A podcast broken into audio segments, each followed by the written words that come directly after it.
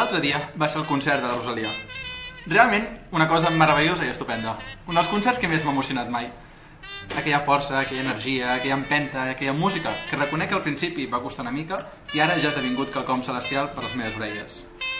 M'agrada la cara amb què em mira els meus companys, pensant, aquest noi o és inútil o és un fantasma. I malgrat que probablement no anirien errat amb cap de les dues, en aquest cas no estaria justificat. No vaig ser físicament al concert, com a tal, però em vaig dedicar a guardar totes i cadascuna de les vostres 350 stories, vídeos a Twitter i post a Instagram i he aconseguit fer el Rosalia Barcelona World Tour documental, edició de luxe amb múltiples càmeres i quasi imatges inèdites al backstage. Estic per vendre els drets al senyor Roures, és increïble. És com quan et lleves un matí de dijous i pots reconstruir perfectament tota la selecció musical que va sonar el dia abans del Dirty de Raz. Vas fluctuant entre stories i stories mentre vas reconstruint la teva ment la suma de les imatges que t'han volgut explicar. Però tornem al que realment ens importa. Com de meravellós ha de ser un dinar de Nadal amb la Rosalia. O sigui, imagineu tenir-la amb vosaltres. I com de genial ha de ser. Veure com amb les ungles li val a moda de forquilla, mentre segur que té un flow de conversa inacabable i gaudiu d'aquell accentàs que em porta en català que diu unes elles que ni Pompeu Fabra. I és que caldria propulsar la campanya hashtag cap taula de Nadal sense Rosalia. Perquè mireu, jo tinc la sort que tinc pocs cunyats a la taula. Això en part em fa patir, perquè és altament probable que llavors el cunyat sigui jo. I reconec que ja m'he mirat la pàgina diariofemenino.com en la seva secció Chistes esternillantes sobre el árbol de Navidad. Ja comencem bé, eh? D'esternillantes de frente, així, així t'ho venen, eh? Están dos perros en casa debajo del árbol de Navidad cuando uno le dice al otro, vaya, por fin se encienden las luces del baño. Esperar que acabin de riure, deixar tirar la broma, i així podríem anar seguint durant hores. Però que realment és fascinant el Nadal, sense cap mena de dubte, és la loteria. Ai, amics, el sumum màxim de la il·lusió, de tenir-ho tot tan a prop però alhora tan lluny. Aquells ha quedado muy repartido i el millor de tot, les senyores amb ampolles gegants d'acaba celebrant. Jo us explico que tinc una, una conspiració que algun dia, estic segur que confirmaré, que realment tot això de les, de les imatges és tot un muntatge. Els premis grans no toquen mai a ningú i sempre són el mateix senyor amb una mica de sobrepès i jaqueta de xandall i la senyora massa repentinada els que envoltats d'una criu de gent que mira de forma molt creepy a la pantalla celebren que els hagi tocat el gordo. Sempre són els mateixos, són uns actors pagats per l'Estado, la CIA Men in Black i el clon aquell de Pilar Rahola i Núria Feliu, que és la grossa de Nadal, per fer-nos creure que tenim sort. Tot això, amics, és el que conforma el més meravellós del Nadal. El més meravellós, però, és la tornada d'aquest nostre programa. Sabem que estàveu tots esperant-ho. Tots, bé, tots els 11 que ens escolteu, que sou bàsicament els nostres pares i mares i el gos del Roger. Disculpeu la demora dels últims dies, però això de fer la revolució, que et treu moltes hores, molta energia, i aquelles corredisses cada nit no deixaven temps per la inspiració. I que els antisocràtics en aquells dies hagués estat un recull d'una hora d'insults varis cap a llançadors professionals a boles, posant moltes cometes, això de professionals. I tampoc era el més divertit que podíem fer. Dius, home, Aleix, però la revolució ja fa uns dies que està així, així, però, bueno, entre exàmens, TPGs i que el Martí ja té la seva Founders Editions de Google Stadia, doncs mira, no ens ha donat la vida. Avui, per sort, tornem a tenir amb nosaltres el Dream Team dels antisocràtics. Comencem per l'home que ha convertit l'avorriment d'arrugar papers mentre esperes impacient que arribi per fi al dinar en tot un art. Xavi Colet Origami. Origami per part de mare. Seguim per l'home que es passa els dies amb fulls amb fórmules i segons ell E2 que va derivant integrant sense criteri, però tots sabem que està intentant trobar la contrasenya de l'ordinador de Colau per posar-li un fons de pantalla que posi a partir del gener anirà en bici tia. Hòstia, imatge molt complicada, perdoneu, Martí Rubio. Seguim amb la dona que veureu envoltada últimament de fotos que de cop i volta esdevenen senyors grans. Tranquils, no és cap nova moda d'estalquejar senyors d'edat, és el seu CDFG, Marina Vinyals. Finalment, el GM més destacat del país, l'home que obligarà els senyors de D&D a canviar la denominació de Game Master a Gran Mastodonte, perquè és el que és, Roger Vergonyó. Tots ells i servidor, Aleix Ràmia, us donem la benvinguda a una hora de riure permanent, constant i inacabable. Des del ben mig de Catalunya, Barcelona, comença els antisocràtics especial It's Christmas Time. El ilustre filósofo griego Sócrates es muy conocido por su frase solo sé que nada sé. Els antisocràtics, perquè ho saben tot. Bon dia, companyes. Ostres. Com esteu? Hosti, una muntanya russa, ens has fet aquí. Se m'havia oblidat. Si heu escoltat, al, al principi, a la nostra introducció, teníem un soroll desconegut fins ara, bàsicament una traïdora, un so que no és el meravellós preludi de l'estrella, sinó de xocolata marina. A què jugues? Bé, jo he decidit que Christmas Edition lliga amb Winter Edition, tinc fred, i en comptes de cervesa freda he decidit que jo a partir d'ara prendré xocolata calenta quan fem els programes. No sé si has vist que, bueno, no ho heu vist vosaltres, una llàstima, no s'ha gravat perquè no esperem que fos tan, tan maco, però en el joc de, del, del primo del principi, la foto del qual prèvia penjarem, uh, la Marina ha acabat pels terres amb una baralla èpica amb el Roger, que ha acabat amb ella als terres. És que crec que sé què és el que ha passat. I és que estàvem tan junts que hem estirat massa cap a la mateixa banda. Sí, hem, sigut- hem guanyat molt fort a la resta i després ha estat un Clar, drama. quedat... Jo, o sigui, porto molts anys jugant al primo i això no havia passat mai. He intentat una foto ràpid de la Marina a terra, intentarem penjar-la, Però però... m'he aixecat molt ràpid per intentar mantenir una mica de dignitat. No sé si ho he aconseguit. Vull fer un apunt també. Avui hem tecnificat molt els antisocràtics. Sí. Tenim un altaveu, ens estem escoltant tots amb casco directes per línia i el Martí porta un marcapassos com si fos un puto cíborg. No és un marcapassos exactament, és una altra cosa, és una cosa que es diu Holter, que li ha de portar 24 hores i, bueno, Sona ja a marcapassos. Us mantindrem informats de la salut del Martí. És molt bona. Els antisocràtics, el primer podcast amb un cíborg que nosaltres. Molt bé. No, jo volia enviar un, un salut a la Rosalia, que sé que ens escolta. Sí, sí, sí. és, és, Home. és És una vida, vull dir, estima'm com la Rosalia, estima el Baix Llobregat i els antisocràtics, perquè és un fet que, Li van que posar el micro de cop, Clar, clar, va però caure. estava en el cartell. Sí, sí, li van posar l'autotune i no es va sentir bé, però parlava d'això i per això has dedicat la seva intro. Eh? a- Efectivament, bueno, Rosalia, intro, no? un Jo vull fer un petit apunt de fantasma i és que jo conec a la Rosalia perquè vaig cantar amb ella als Goya l'any passat. No sé si això és sabut per als eh, Quan era tan famosa, no? Sí, sí, sí, jo, jo ho sabia. Quan era prou famosa com per anar a cantar als Goya, també Sisplau, t'ho dic. explica'ns això, Marina, una Sí. mica. Bé, jo canto al cor jove de l'Orfeo Català, com segurament ja sabeu. Vaja, eh, sí, Sí. és el 50% de la no- nostra audiència segurament Sí, forma part. Perquè és exactament. tot l'Orfeo Jove. Eh, soc soprano, que és una cosa que no cal dir, però es diu. I l'any passat, els Premis Goya, que es van fer a Sevilla al febrer, va cantar la Rosalia, com tots sabeu, la seva cançó de Me quedo contigo, de los chunguitos. I a darrere hi havia una mena de massa vermella de cossos. Sí, Jo sóc un, un d'aquells integrants de la massa vermella de cossos. que fort. Posarem una foto a Twitter, si mentre, voleu. mentre tothom mirava, això devia sortir per la tele, mentre tothom mirava la Rosalia, tu tenies la teva família dient aquella és... Sí, no, és all... és la no, no, aquesta és un massa alta per la ser Maria, ella. Aquí. Era com ma- quan tothom veia la cara de la Rosalia cantant i tota l'emoció, jo veia el cul de la Rosalia, l'esquena de la emoció, Rosalia, també. amb molta emoció també. Vull dir, aquella és massa alta, m'ha de jovint, no? Estaríem Sí, dient. sí. podríem, podríem dir-ho. O sigui que, de res, Rosalia, per fer-li els, els coros. Clar, clar. Sí. Jo els vaig notar. Doncs bé, um, avui tenim un, un, un programa molt impact, molta cosa, molta cosa a fer. Tenim un altre cop entrevistes, us informo, perquè bueno, és bàsicament el que més us ha agradat. Tenim joc, tenim un joc molt fantàstic i meravellós que he preparat no fa 5 minuts, però tot bé. Um, Fa 10. Jo estic nerviós pel joc, eh? Entenc que és algo novedós, no vull spoilers fins que arribem, però... és novedós, és novedós. Puc estar atents. Per tant, començarem directament amb, amb les seccions. Veureu que ara tenim un repertori molt, molt variat, us, us informo, és molt variat, sobretot les dues primeres seccions que tenim avui. Bueno, veureu que tenim un range de- de- d'informació molt, molt diferent Ens aquí. hem coordinat molt bé per tocar temes molt diferents. I molt nadalencs tots. Sí, sí, Aleix, correcte. en comptes de range podries dir rang, o sigui, no era difícil la paraula, la tenies allà, era l'abast de la teva mà.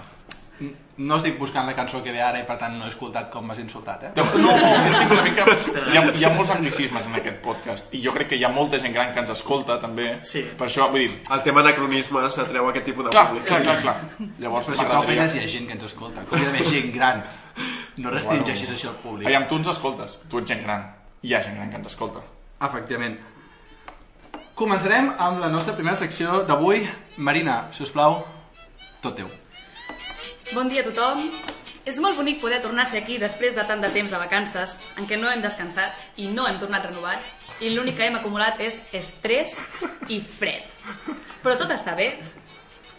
Aquí m'havia escrit una cosa que és vull fer constar que he proposat canviar les birres per xocolata ho he proposat, he fracassat, no m'ha importat i m'he portat jo la meva xocolata i estem prenent cadascú el que vol com un país lliure que som. En fi, avui us porto una nova edició de Coses de Noies, que recordeu que són totes les coses. Avui parlarem de transport públic, i en concret, com que som així de centralistes, del transport públic a Barcelona, que és l'únic que ens importa. Hi ha algun altre transport públic? Segurament hi ha busos a algun altre lloc, però... Ja, ja, ja. Espera, espera. espera. Ho, ho trobaràs, ho trobaràs. El hem d'obrir temes abans de que Estàs surti. fent molts se- senyals avui, Xavi. Tu digue'ls en veu alta. Sí, sí, sí, tranquil, tot correcte. Sí, bueno, aquests dies he estat pensant diversos temes, com que hem tingut tant de temps, i he anat acumulant idees, així que tinc podcast per rato. L'únic que va, el detonant va ser quan van anunciar el canvi tarifari per al 2020, que vaig tenir claríssim que havia de parlar d'aquest tema, i obrir un debat sobre la merda de tarifes que, eh, sense viatge ni res, que han anunciat. Correcte. Llavors, anem a començar, aniré repassant una mica els diferents tipus de transport i fent la meva opinió personal, com sempre, en la meva secció de hate. Llavors, per començar, dir que sóc una persona que no agafa mai el tren, perquè sortiria una mica del que és Barcelona, que és la meva zona de confort, llavors no l'agafo. Les crítiques de Rodalies i Renfe les deixo a una altra persona, que sé que n'hi ha moltes que tenen moltes ganes de rajar molt fort sobre Renfe. No ho farem aquí. I en canvi un transport que sí que faig servir molt és l'autobús. Malgrat les burles que he d'aguantar constantment Vindran, dels vindran. meus cot- cotertulians, que a més van amb moto i són uns contaminants i uns despietats i una mica males persones, però no passa res, està bé. Home, Fins, estimem fins que la portem, eh? Males persones fins jo que vaig la sempre amb portem. bus, eh? Clar, però quan em porteu a mi llavors és millor perquè gastes com menys perquè es compensa entre els dos, saps? O sigui, jo faig per ajudar-te a tu, que tu no contaminis tant, ara contamines pels Però dos. ens ajudes tu nosaltres quan et portem amb És com el bus bau, saps? Vale, vale, vale.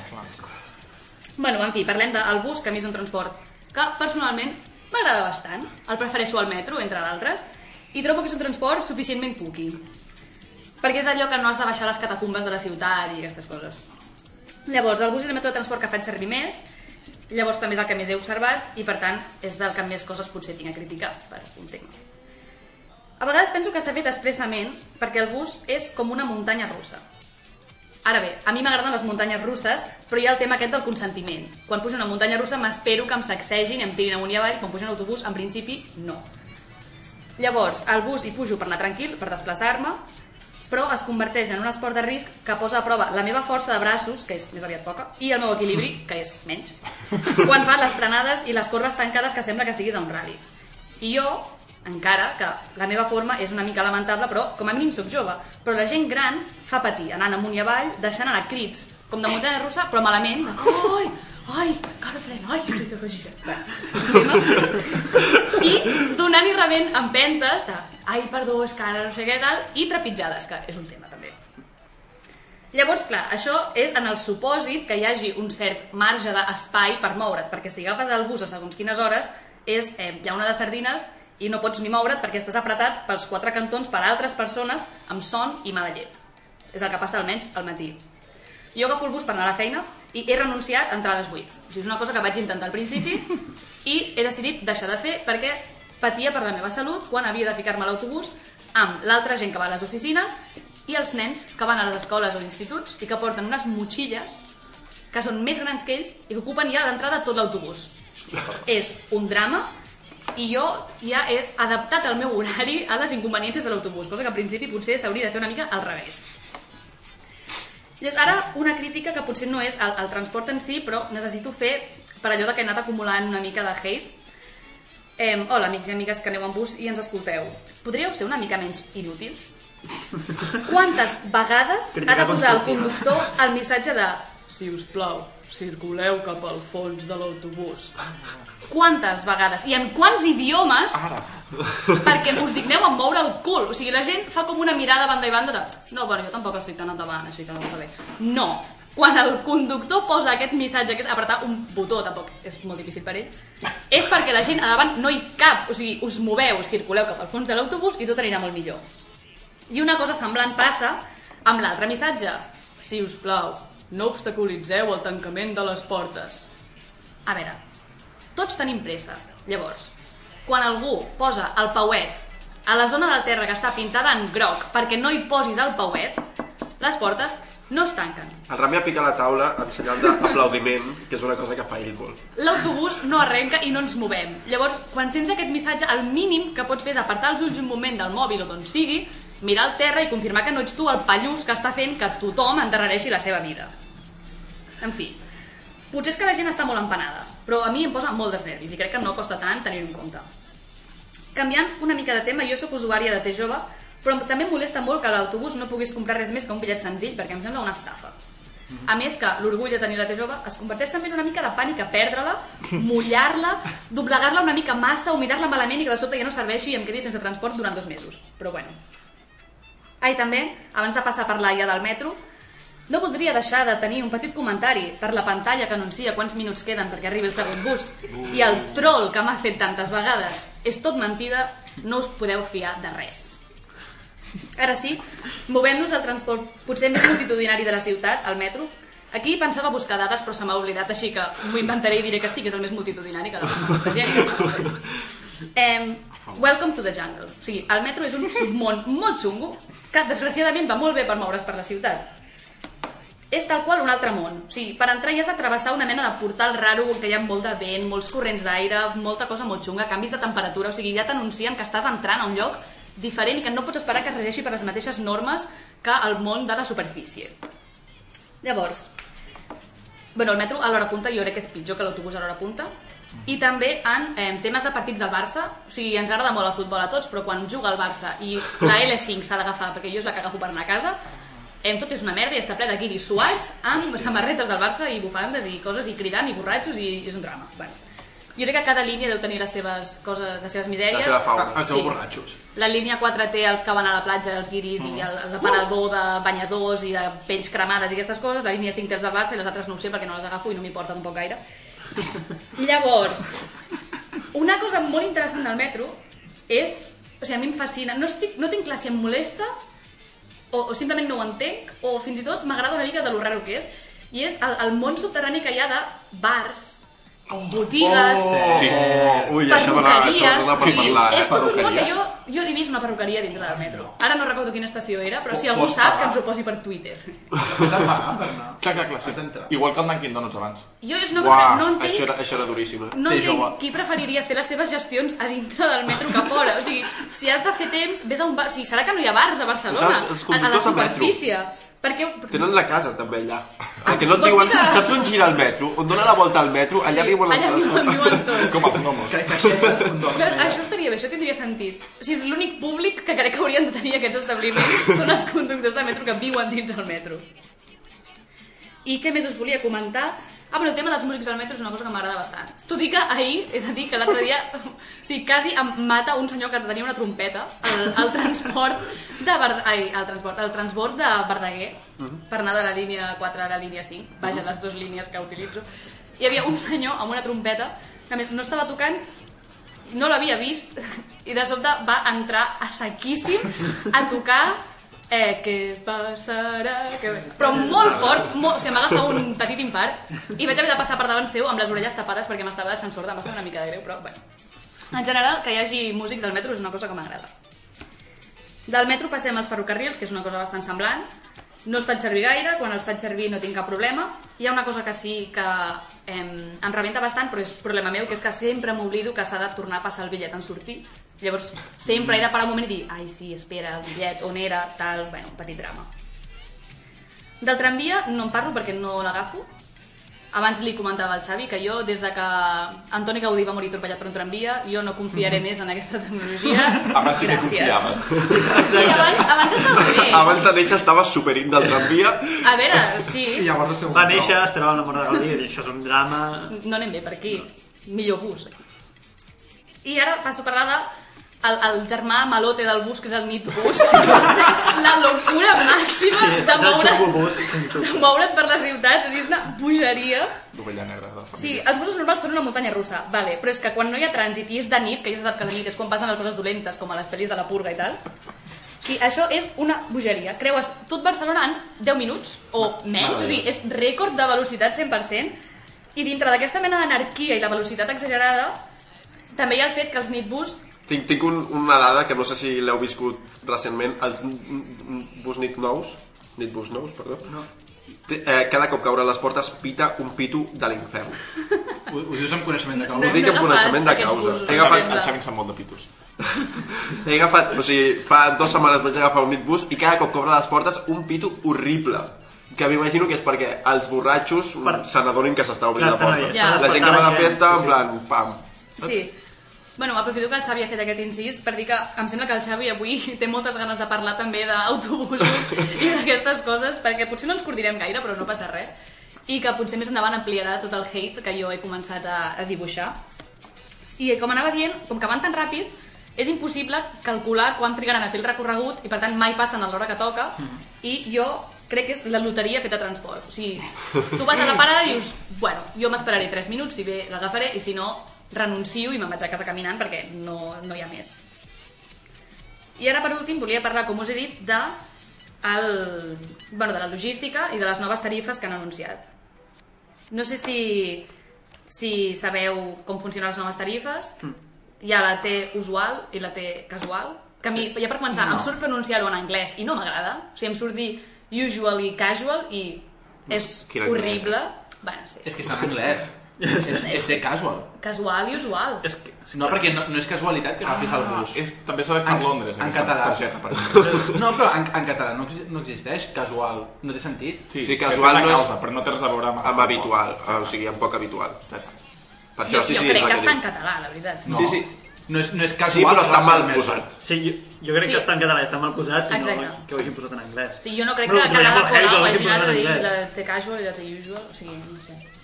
A mi em sona molt xungo. Jo crec que han fet la trampa de ho estem posant en català, però com que aquesta és pels guiris, perquè pels la guiris. justificació és pels guiris, Sí. doncs que Però ho la, entenguin en anglès. la usual no és pels guiris en cap cas, en principi. La usual No, no, és la... la- Això no, no, La dic, la, casual. la usual funciona, però la casual Han és la que és forçat pels el guiris. casual, encara que no estigui correcte en català, perquè els guiris sapien aquesta és la que he de pillar jo. Jo, La jo t'ho compro, això, 100%. Jo també voldria dir que la Marina té molt escrit.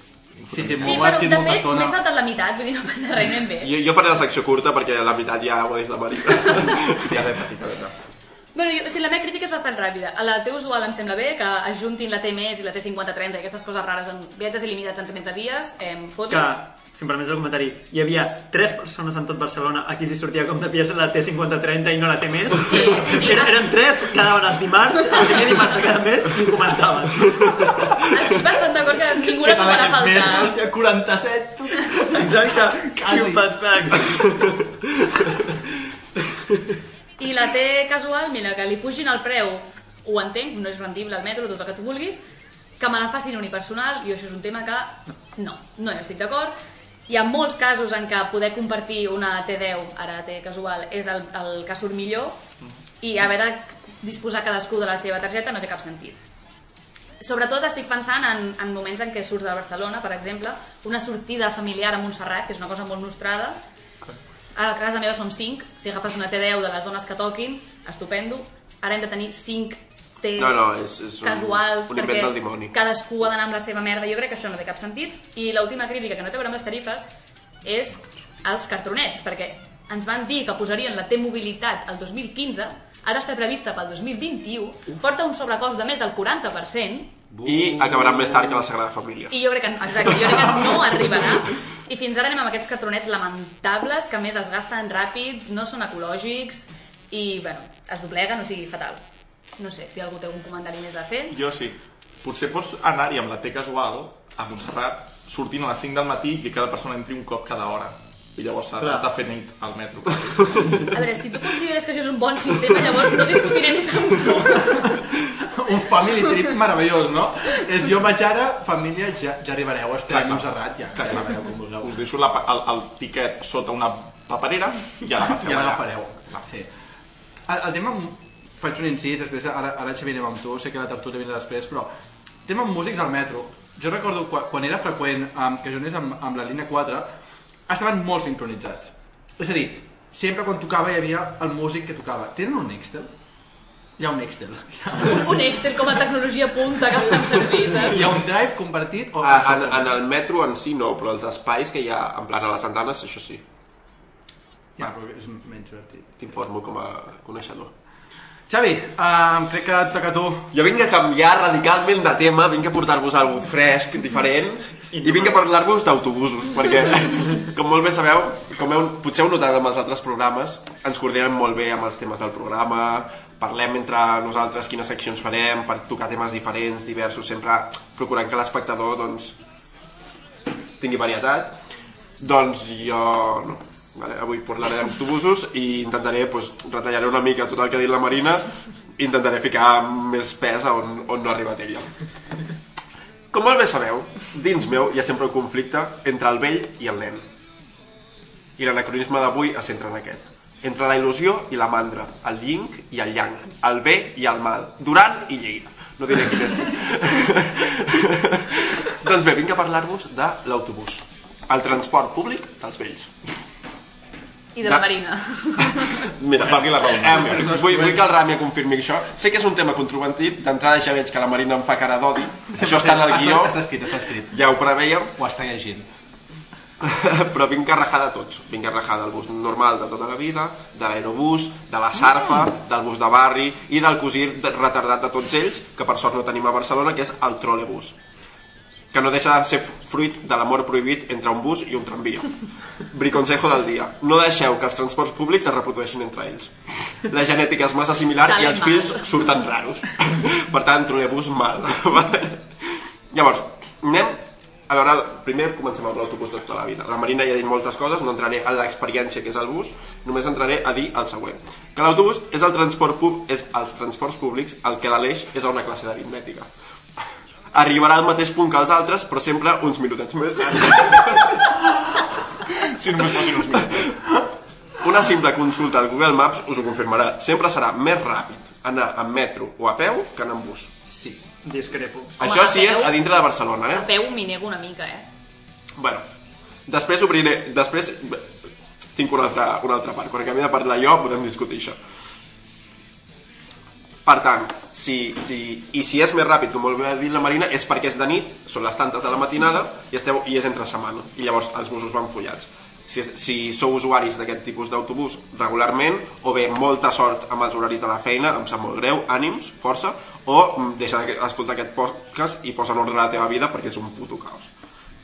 Llavors, passem ja a l'aerobús. Si sou gent que agafeu sovint l'avió direu hòstia, l'aerobús és el millor que li ha passat a Barcelona en molt de temps.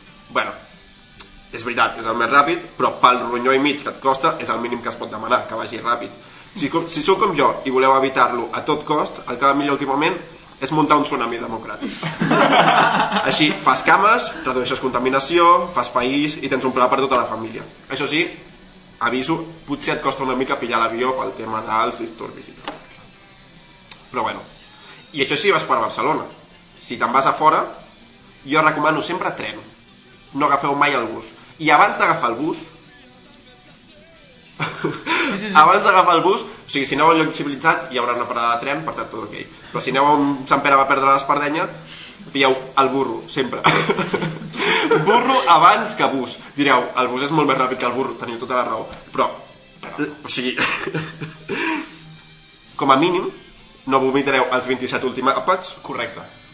La primera papilla i la biodramina que us heu pres per no vomitar en el bus quan fa les curves del dimoni de les carreteres de, de muntanya. Per tant, deixem el tema. I entro al tema autobuser, que la Marina l'ha tocat una mica d'això, jo tinc una teoria. La meva teoria és que l'autobuser es troba en el centre exacte de l'espectre de gent, de condu o sigui, gent que condueix. Vale? Aquest espectre va des del taxista, Sí? que és un, hul un hooligan motoritzat, un acolorit diccionari d'insults i un fan de l'estic de conducció de Michael Schumacher als últims anys. El túnel de l'esquí. I l'àngel de la carretera, que és el camioner, que és el bé sobre rodes i el far cap a les bones estacions de servei. Vale? Tot conductor es troba en aquest espectre. Vale? I, la, me- I jo postulo que l'autobuser està just en el centre. Vale?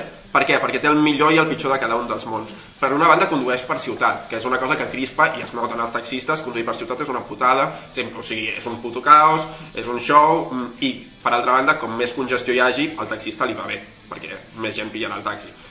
Llavors, el bus veu una mica d'això, però també com a transport gran, que li costa fer girs tancats, que mm, com més caos hi hagi és el primer que pilla, perquè si hi ha, si hi ha un obstacle en el trànsit, doncs és el primer que no pot passar, doncs també té aquest, aquesta bondat de anem a fer-ho tot bé. I per tant, de l'autobús et pots esperar de tot.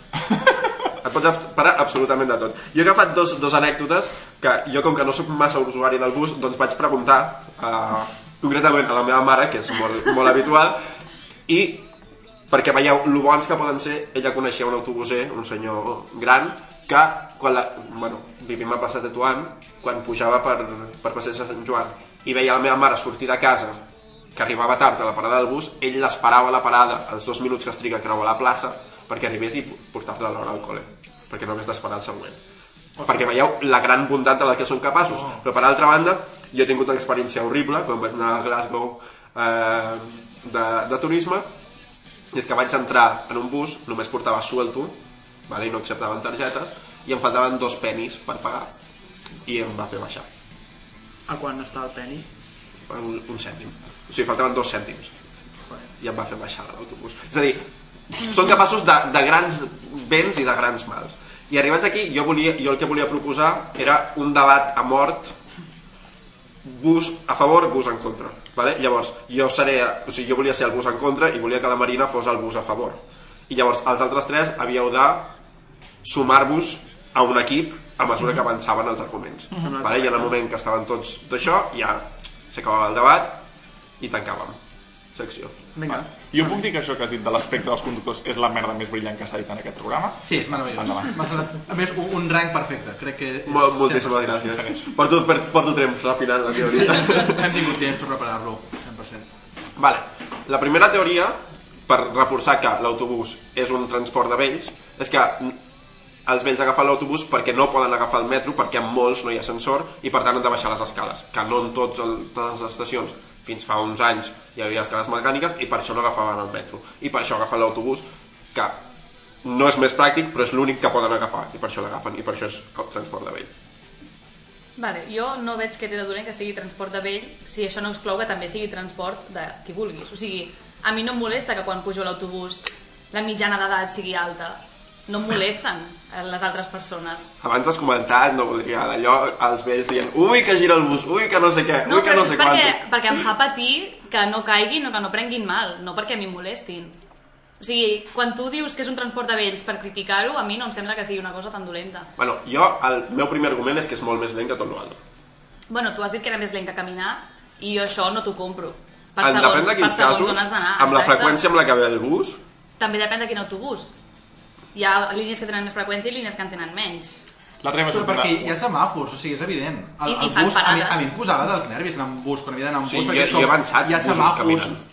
Sí. Bueno, perquè clar, els busos van o fent sigui, parades a mi m'ha en passat principi, d'haver de caminant, caminar, o sigui, posar-me a caminar esperant un bus i anar com a cada parada esperant, aviam si ve, i, i, Sí, i sí, arribar a casa. Depèn del tipus de trajecte que hagis de fer, però davant de Killing Kipchoge. potser si, si m'estàs dient que pots fer tres parades de bus més ràpid caminant, jo no et contradiré, però no per això hem de treure els autobusos, perquè la majoria de gent deu fer més de tres parades i li deu sortir més a compte anar en bus que anar a peu, perquè si no potser aniria a peu. Bueno, aquí entra el segon argument de per què és de vell, perquè per el rang de tres parades, que són potser, saps? El pillen perquè no volen caminar aquestes tres parades, però una persona jove les camina. Bueno, depèn, si tu la té jove, Clar, has de O jugar si contra plou, el sistema. jo aquest O tema, si plou. el tema de si plou és, és, Clar, és fulminant, en plan... Jo com a usuari habitual del bus, els dies que plou és una putada. Sí. Perquè he hagut de deixar passar més d'un bus per lo patat Sí. que va. I a més a més la gent plega el paraigües i el paraigües per fora, si no és com el meu, que l'ensenyaré algun dia, que és un paraigües buah, que buah, ensenyaré. buah, pengem, pengem Al foto a revés. Twitter. Ostres. Penjarem si, si no és un paraigües d'aquests, el paraigües està moll i a la que la gent es va apretant entre ells, es van mullant entre ells amb el paraigua i surts d'allà més mullat que si haguessis anat a peu, quasi. És que és, és, és horrible, o sigui, això al metro no passa. Igual, vale, vull fer un... El metro quan plou un s'inunda no, no, no. i deixa de funcionar. Un comentari, un comentari. Eh, els seients del bus tenen una disposició molt concreta. Creieu que això està estudiat? En Sí, plan, el grup de quatre que hi ha al final és de pels la malotes, dreta, és pels malotes. Sí. el, saps, els seients individuals... Sí. Els que, hi ha uns que estan d'esquena abans de les portes que podrien estar a la cara perfectament, pràcticament. Per Però què potser treu, perquè potser treu espai per entrar al centre i llavors el bus el necessita per girar a l'eix, és part de l'eix metàl·lic que hi ha circular a baix. No a l'eix tu, a l'eix junta, encaje, eje, saps? Parla en castellà. Jo volia O en fer anglès, la punta també. que... Ens No, agrada tinc molt. aquí el, el maps de quan tardo jo de la uni a casa. És Actualitza-lo. caminant 7 minuts amb el bus són 35 minuts, la primera opció en metro són 38 minuts agafant 2 metros, és a dir, fent transport, i caminant 11 minuts. Val a dir que Google Maps um, sempre et fa la pitjor Clar, opció. clar. O sigui, et dona el pitjor temps possible amb el que trigaràs, perquè compta els temps d'espera del metro, No, compta i els màxims. tenint- I anem a parlar, el, el Google Maps per caminar està malament. Molt malament. O sigui, jo sempre... És Sí, allà. sempre Jo no corro i Jo sempre guanyo. Sempre guanyo. guanyes, guanyo sempre guanyes. Sí. També volia criticar Sí, una cosa, que, una una cosa que has contra dit abans. Sí, sí, sí. Sí, a vegades em pico, eh? Una cosa que has dit abans dels autobusos que en comptes de tren per sortir de Barcelona. Jo, eh, hi ha un tema que és que vaig sovint a Mollà, i a Mollà, malgrat ser capital de comarca, no hi ha estació de tren, que tu has dit que qualsevol poble de bé en té, Mollà no, és capital de comarca. Eh, Està bastant No in. passis a entrar amb el tema Mollà, perquè... Crec que potser um, a centríssim aquest tema sortiríem tots escaldats i cap de nosaltres podria després bueno, agafar cap càrrec públic si comencéssim a parlar de temes de poble. Per tant, podríem deixar aquí aquest fantàstic debat que recuperarem després si podem. I crec que passarem a la, a la següent secció a la qual tenim un convidat. Uh, Sí, sí, sí, però no sabia si hi havia tertúlia abans. Això era, Era, tertúlia, era això, era el Ah, va, va, tema. deixar seccions més tertúlia, doncs sí, tinc el convidat aquí entre vestidors, el, el podem fer. Sí, sí, sí, sí, sí. Fer passar, fer passar si voleu. Eh, prèvia presentació, em, és una persona coneguda, és una persona que ha sortit per televisió, en publicitat concretament, i per tots aquells que no el conegueu, doncs posem, si més no, l'àudio de l'anunci pel qual s'ha fet famós, endavant. La introducció del convidat d'avui. Ah, hola, François. Hola, vecino. Mamá se retrasa. Haré yo la cena. Oh, papá siempre hace lo mismo. Iba a preparar una cena de picoteo. ¿Os apuntáis? Sí. Una tabla de cremas, presidente. Y voilà. Delicioso queso hecho crema.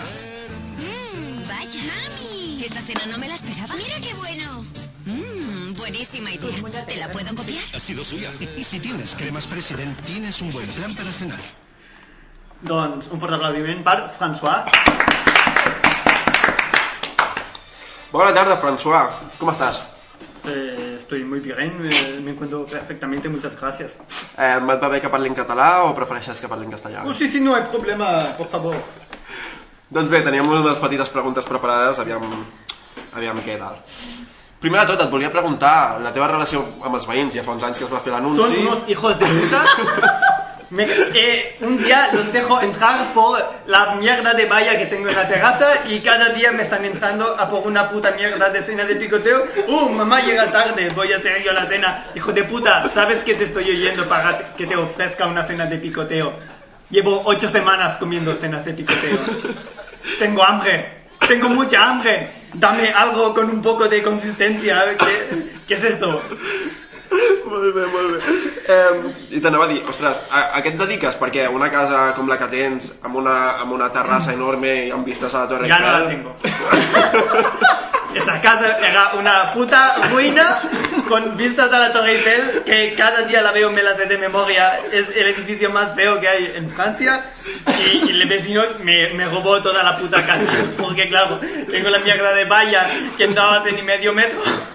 Pues me entraban un día, me roba- robaron todo y, y, y lo perdí todo. Estoy arruinado. Carai. Eh, T'ha de dir, estan arruïnat eh, les classes de castellà com te les pagues, perquè aquest castellà que parles és de puta mare. Eso es eh, perfectamente, esto lo aprendí en el colegio. Primero te enseñan, es, no pu- pude aprender catalán, es una, es una pena. Pero español sí, primero aprendes español, luego el acento de francés de mierda.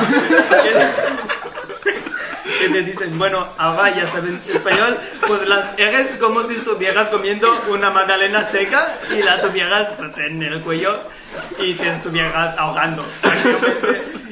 Y, y, y creo que lo hablo suficientemente bien. No, no creus que aquesta manera de parlar el castellà fa que en, la, en el cinema, els anuncis, en la cultura popular en general es representi els francesos d'una forma molt estereotipada? Sí, no tenemos un ratón en la cabeza. Nadie lo tiene. ¿Cómo vas a tener, cómo vas a tener un ratón, un ratón en la cabeza? Es absurdo, no sirve para nada. No, no lo tenemos. Me lo pregunta mucha gente, eso es lo más habitual. Ja, ja, però a part, a part del tema del, del ratolí, el tema de fumar sempre, la bagueta a la mà, a la bossa, a la boina, tal... Eso es todo perfecto. Eso es- lo han clavado todo. Bueno, ya ves mi, mi boina típica de francés. Hay una tienda al lado de cada casa, cada dos metros hay una que pone cosas de franceses y ahí pues hay una baguette, una camiseta a rayas horizontales, un bigote por si no tienes, una boina y cuatro cositas más. Molt bé, molt bé. I, I ara on dius que vius? Perquè si ja no vius a la casa amb les vistes a la Torre Eiffel, ara, ara on, on estàs? Vius per aquí? Ahora, bueno, pues he venido a Barcelona porque me han dicho que hay un, un transporte público que está muy...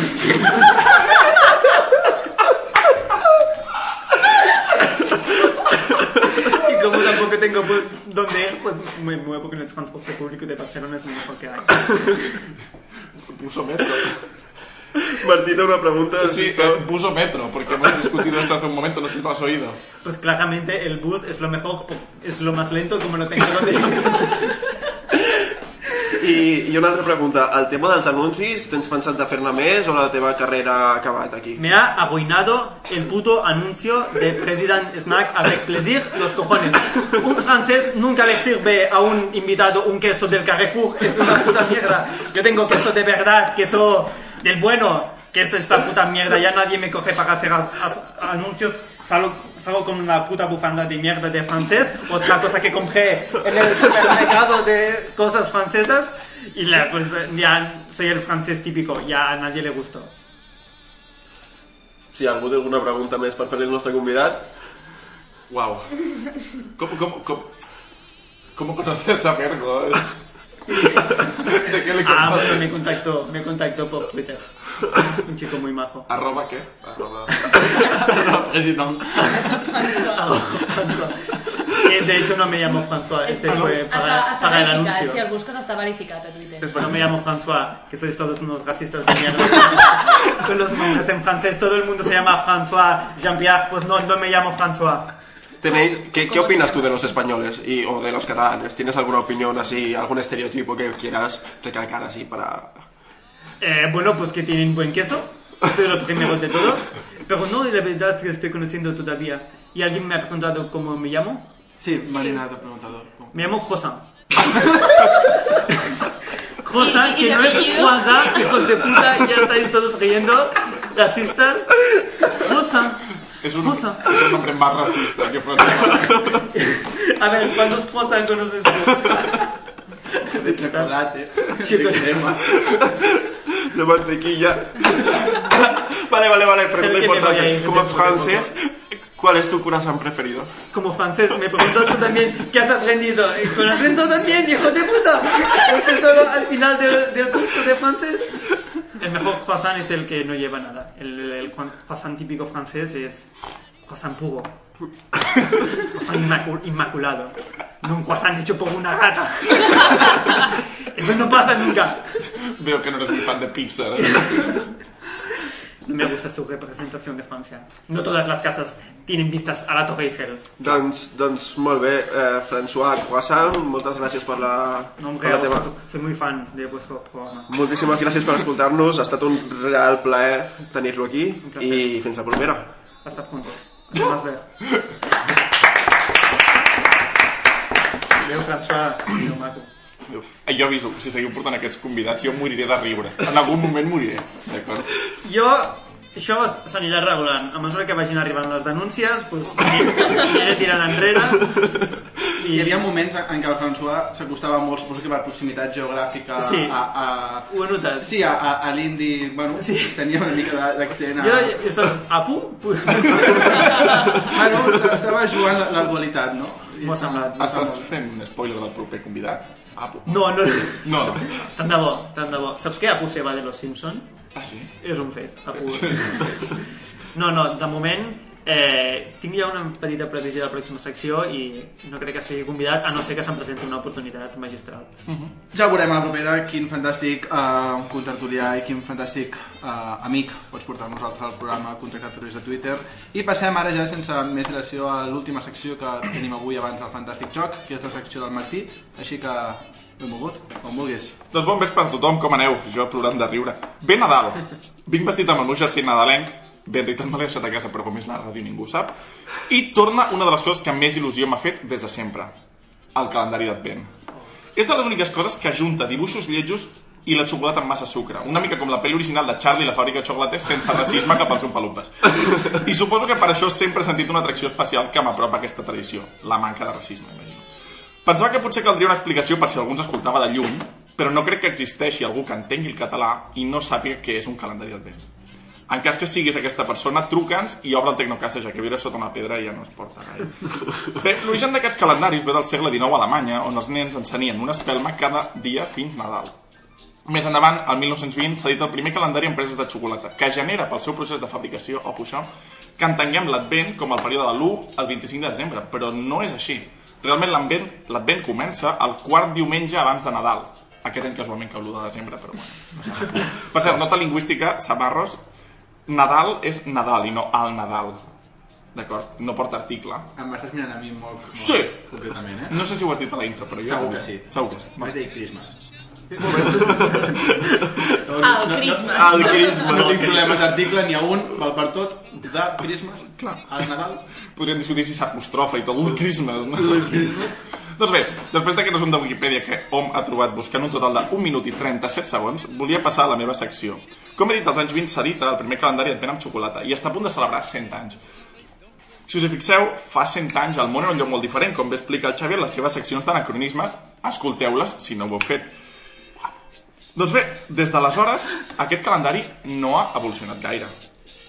Per tant, jo avui el que faré és un repàs molt àgil de les opcions actuals, que serà tot menys àgil, ja, ho, ja em coneixeu, i després intentaré fer un calendari per a cadascú de vosaltres, ja que el Nadal és una època de pensar en els altres.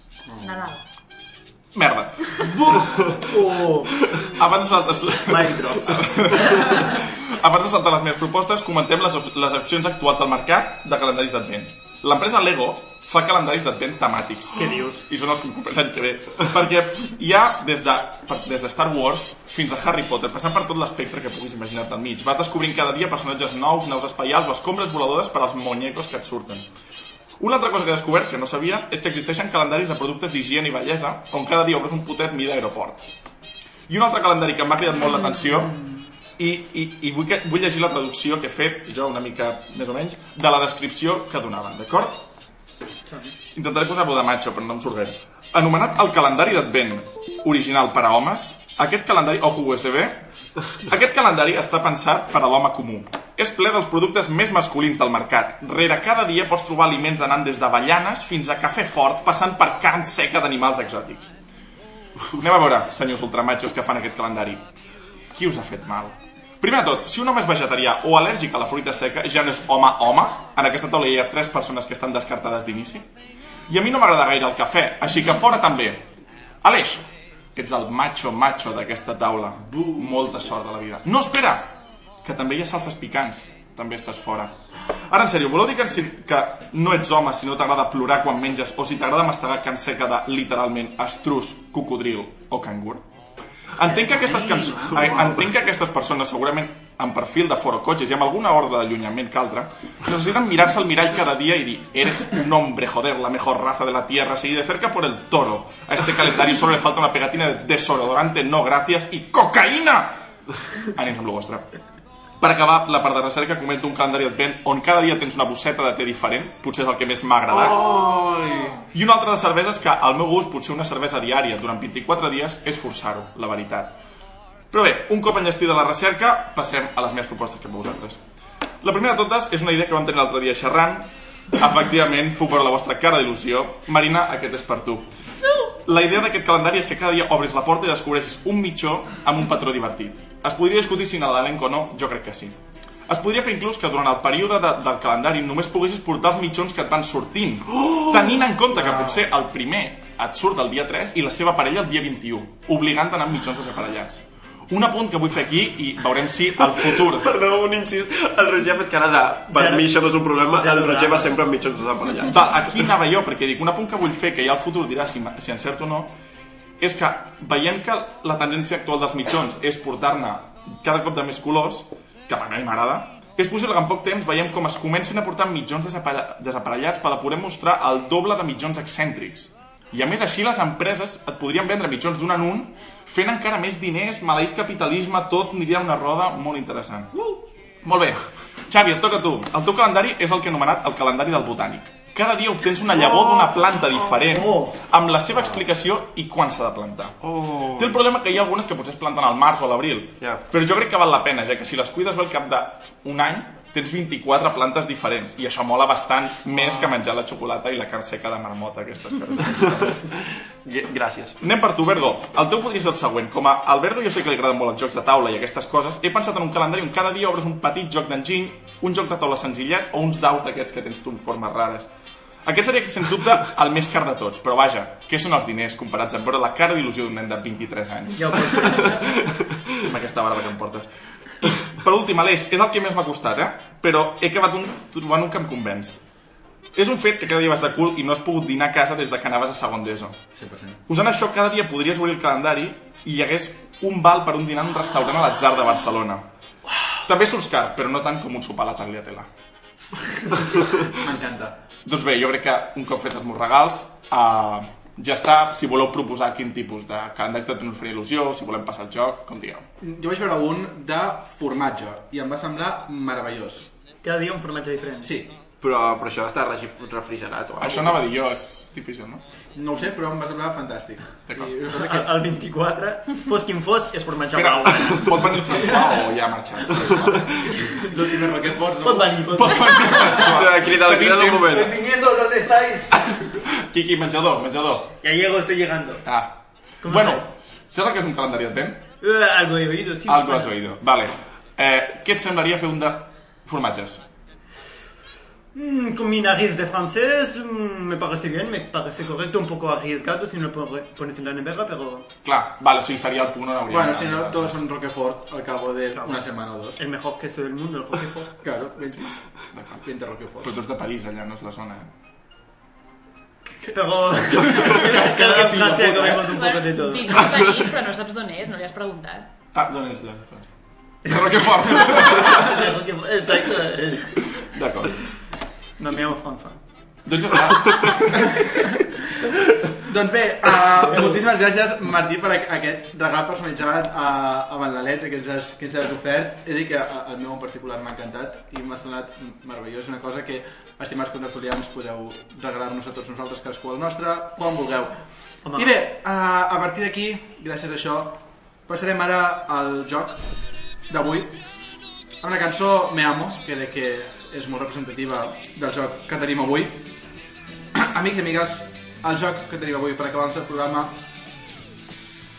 Pedro Sánchez del PSOE, Pablo Casado del PP, Don Santiago Abascal por la G de Dios, de Dios de Vox, la bona, no la dels diccionaris, i un menys conegut, Albert Rivera, que pels que no el conegueu, que pinta que és una majoria en aquest país, és un polític taronja amb gran estima a les platges nudistes. El joc d'avui és, amb la frase que jo dic, quin polític de dretes sóc. Oh, és, és frases reals o Totes les tu frases que diré a continuació estan extretes del debat que van tenir els quatre candidats més un. L'únic que he de dir que el més un sí que podem dir que no és de dretes, així com els altres sí. Per tant, cantava molt qui, quin era, vale? per tant... No tenim ah, posició política en aquest Cap ni una. com, com podeu veure. No. Bueno, no, no ho diem com a fet negatiu, he dit que és de dreta, si és una classificació, com sí, de, de vanguardia. Um, per tant, bé, uh, jo diré una frase que és real i haureu de dir quin dels quatre, Santiago Bascal, Pedro Sánchez, Pablo Casado, Albert Rivera o el partit, uh, quin ho ha dit. Per tant, sense més dilació, jo començaria per mm, Bergo, perquè el tinc davant i l'he vist. Ostres, quin, quin ordenat. Que- Sí, ha començat... Sí, bueno. Bueno, no ens veuen ordenats, però és un caos. Bueno, l'he vist i m'ha agradat. Bergo. oh. Bergo, la frase es la siguiente. Lo que ocurre en Cataluña es un golpe de estado permanente que comenzó con Jordi Pujol. Uf, molt difícil. Qui va dir aquesta frase? Hem d'anar molt ràpids. Hostia, vale, diré Rivera. Doncs no, Santiago Abascal. Tonto. Tonto. Jo, jo, jo us diria, com que només hi ha... O sigui, hi ha quatre opcions, que només digui tonto un, saps? Ets un terç de tontos. O sigui, Ah! perquè tots Ui, però perdem. teu de quatre, saps? Pero yo voy de tonto siempre. Ah, vale, Clar, clar, jo també. Sempre. Martí, Digues. El señor Iglesias nunca aceptará un gobierno sin el señor Iglesias. Jo crec que és Casado, això. Doncs no, és Pedro Sánchez. Què? Tonto. Tonto. Mira, yo que soy Pedro Sánchez aquí. Seguim, Marina. Señor Sánchez, con lo que le ha pasado hoy al rey, ¿por qué no ha aplicado aún la ley de seguridad nacional? Li has tret una opció, eh? Sí, Eh. ja ha, ha passat sovint, eh? Abascal? Doncs no, Pablo Casado. Tonto. Ningú encertarà cap. Molt difícil. Xavi, Sí. Hay que aplicar el 155 de verdad y pactarlo entre cuantos más partidos constitucionalistas mejor. Albert Rivera. Molt bé. listo. Listo. Roger, para que los españoles no pierdan su empleo, Sánchez debe perder el suyo. Abascal. Doncs no, Pablo Casado.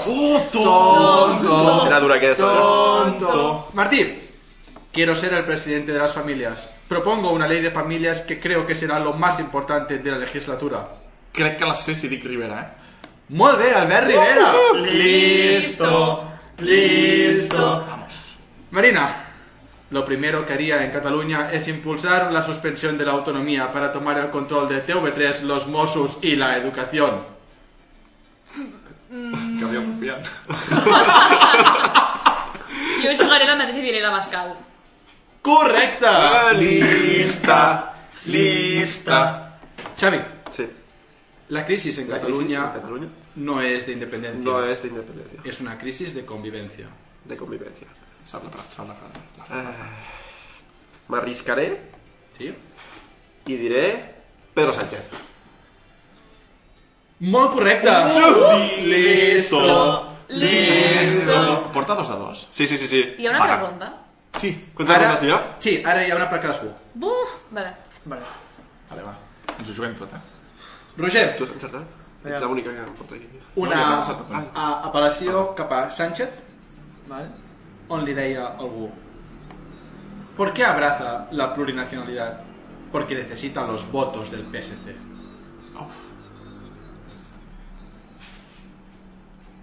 Clar, això és molt poc radiofònic que pensis tant en silenci. Ja, perdó, perdó. Pensa en veu alta. Clar. Diré Pesita, pesita. Casado. Molt bé! Pablo Casado. Listo! Listo!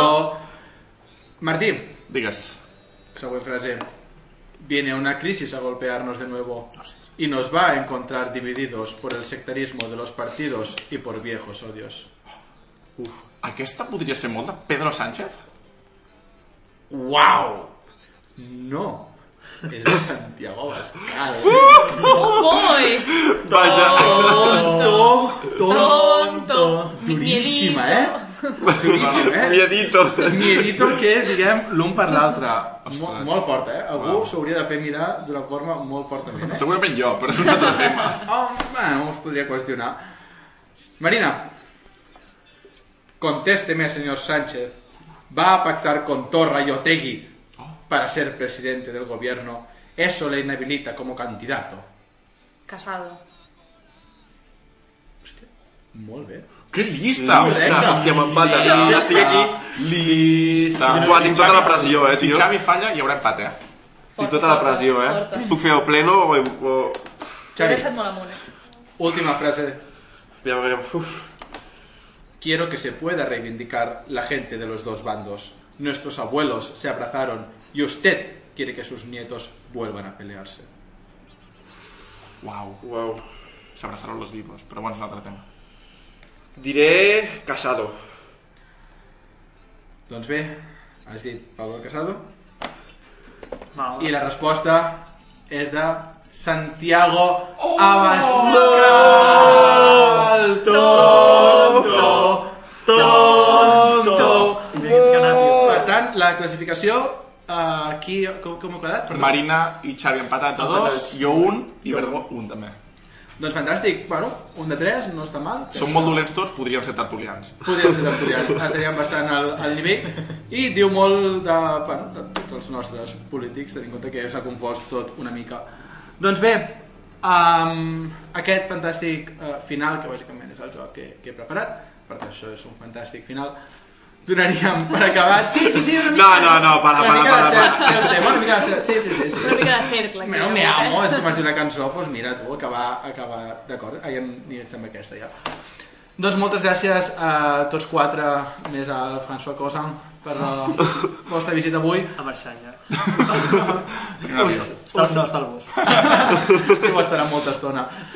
Us esperem en el proper programa, que esperem que sigui d'aquí molt poc. Uh, moltíssimes gràcies per haver esperat uh, aquest retorn. Fins aquí, els Antisocràtics, cinquè programa especial Is Christmas Edition. Fins la propera.